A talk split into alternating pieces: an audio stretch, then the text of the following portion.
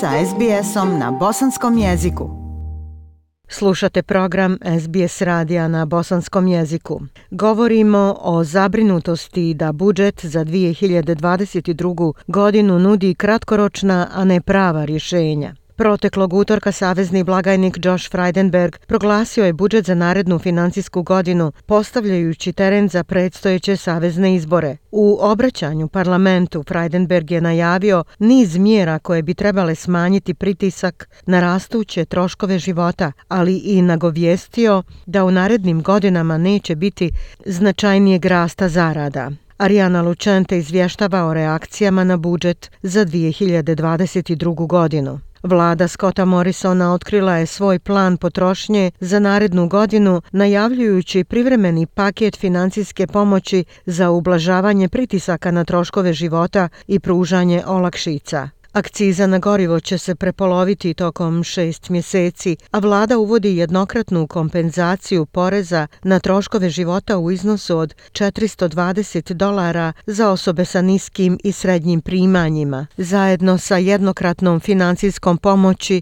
od 250 dolara za penzionere i primalce socijalne pomoći. Međutim, izvršna direktorica AKOSA, Australskog vijeća za socijalne usluge, Cassandra Goldi, kaže da su budžetu potrebna trajna, a ne privremena rješenja. There's nothing in this budget that will lift up the incomes of people who have the least. We don't have anything to get people beyond $46 per day Ne postoji ništa u ovom budžetu što će povećati prihode ljudi koji imaju najmanje. Nemamo ništa što bi osiguralo da ljudi imaju nešto više od 46 dolara dnevno ako su nezaposleni. Iako pozdravljamo jednokratnu isplatu od 250 dolara koja se proširuje i na ljude koji su u penziji i na osobe koje primaju dodatke, ako živite sa samo 46 dolara dnevno, tih 250 dolara moglo bi vam pomoći samo za nedelju dana ili dvije, ali morate plaćati kiriju svake sedmice, 52 sedmice u godini. Laboristi su manje impresionirani planovima blagajnika za naknadu troškova života. Opozicioni blagajnik Jim Chalmers rekao je za SBS News da brojke gospodina Freidenberga prikrivaju istinu o pritiscima troškova života za većinu porodica. There's two sides of the coin when it comes to the cost of living. Skyrocketing costs that people are dealing with right now Postoji dvije strane medalje kada su u pitanju troškovi života. S jedne strane imate vrtoglave troškove s kojima se ljudi trenutno suočavaju, a s druge strane pad realnih plata. Zato obične radničke porodice sve više zaostaju. Gospodin Chalmers tvrdi da iza budžeta nema dugoročnog plana i da je samo sredstvo da se koalicija zadrži na vlasti nakon izbora u maju. What this government's done is they've got a six or seven week plan to get them through to the May election. They are incapable of seeing beyond that. So the difference between the parties Ono što je vlada uradila je da ima plan od šest ili sedam sedmica da ih izvuče na izbore u maju. Oni nisu u stanju da vide dalje od toga i zbog toga je razlika između stranaka u tome što će biti olakšice za troškove života bez obzira ko pobjedi na izborima u maju. Razlika je u tome što mi imamo plan za budućnost i izvan toga dok ga ova vlada nema.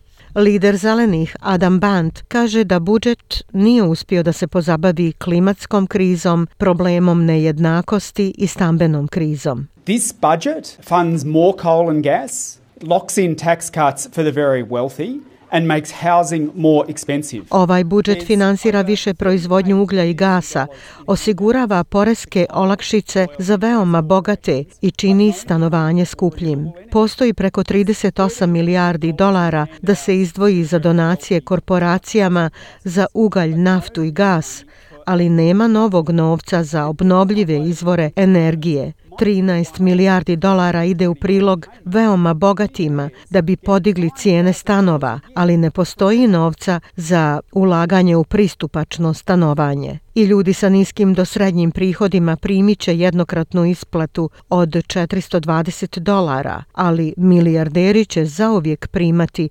9000 dolara godišnje. Izvršni direktor Vijeća za starenje populacije Australije, Jan Yates, pozdravio je olakšice za troškove života starijih Australaca. Millions of older Australians will benefit from the cost of living relief tonight, including uh, a very large number, of course, of age pensioners.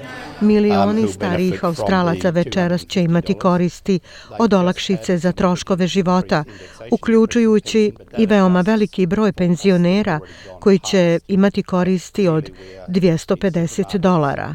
Upravo su imali značajno povećanje indeksa penzije, ali to je bilo prilagođavanje troškovima.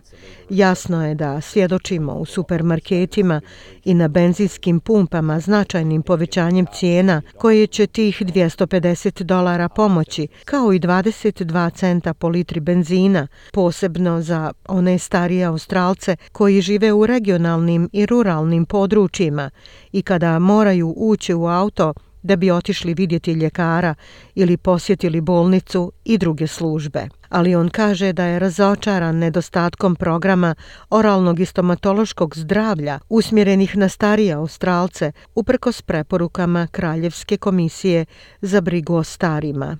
Vlada ulaže dodatnih 1,3 milijarde dolara u sigurnost žena u okviru nacionalnog plana za iskorjenjivanje nasilja nad ženama i djecom 2022-2023. godine. Nacionalna direktorica organizacije Uniting Care Australia, Clearven Little, kaže da je ovo pozitivno. We'll welcome the 1.3 billion dollar uh, package for women's safety. Women's safety we know in this country is still one of our wicked problems and we need to solve that Pozdravljamo paket od 1,3 milijarde dolara za sigurnost žena. Sigurnost žena koju poznajemo u ovoj zemlji jedan je od naših gorućih problema i to moramo riješiti što je prije moguće.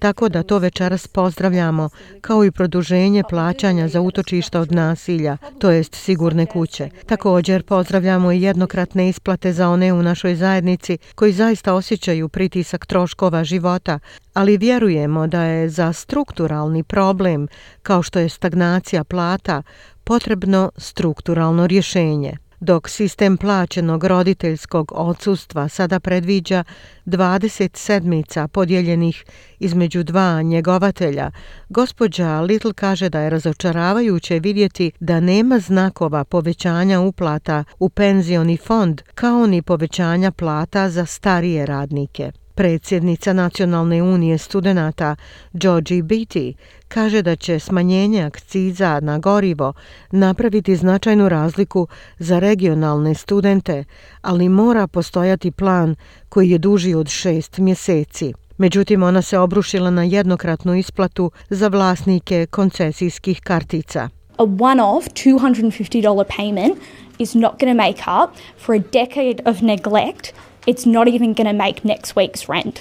Jednokratna isplata od 250 dolara neće nadoknaditi deceniju zanemarivanja.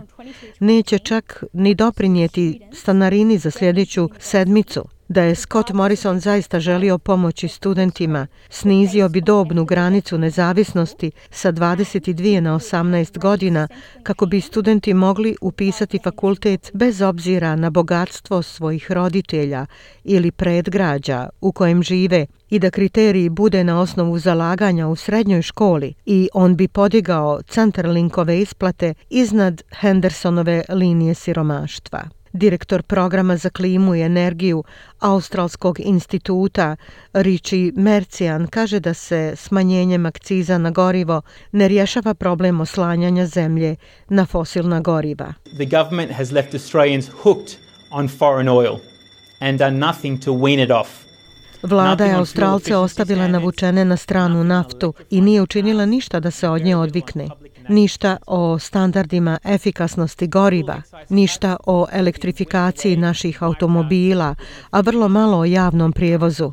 Smanjenje akciza na gorivo će se povući i izbrisati za nekoliko mjeseci po sadašnjim stopama rasta cijena nafte i ako se to u potpunosti prenese na vlasnika postoji pomješana reakcija poslovne zajednice. Iako je povećanje broja migracija dobrodošlo, smatra se da nije dovoljno da nadoknadi ono što je izgubljeno tokom pandemije a sa mjerama za povećanje ulaganja u poslovanje Andrew McKellar, izvršni direktor Australske trgovinske i industrijske komore, ne misli da postoji plan za rješavanje problema u ovom budžetu. Međutim, smatra da će potezi poduzeti za podršku malim preduzećima biti od velike pomoći. So for small business, uh, we think those are certainly um, very positive measures. So for small business, uh, za mala preduzeća mislimo da su to svakako vrlo pozitivne mjere.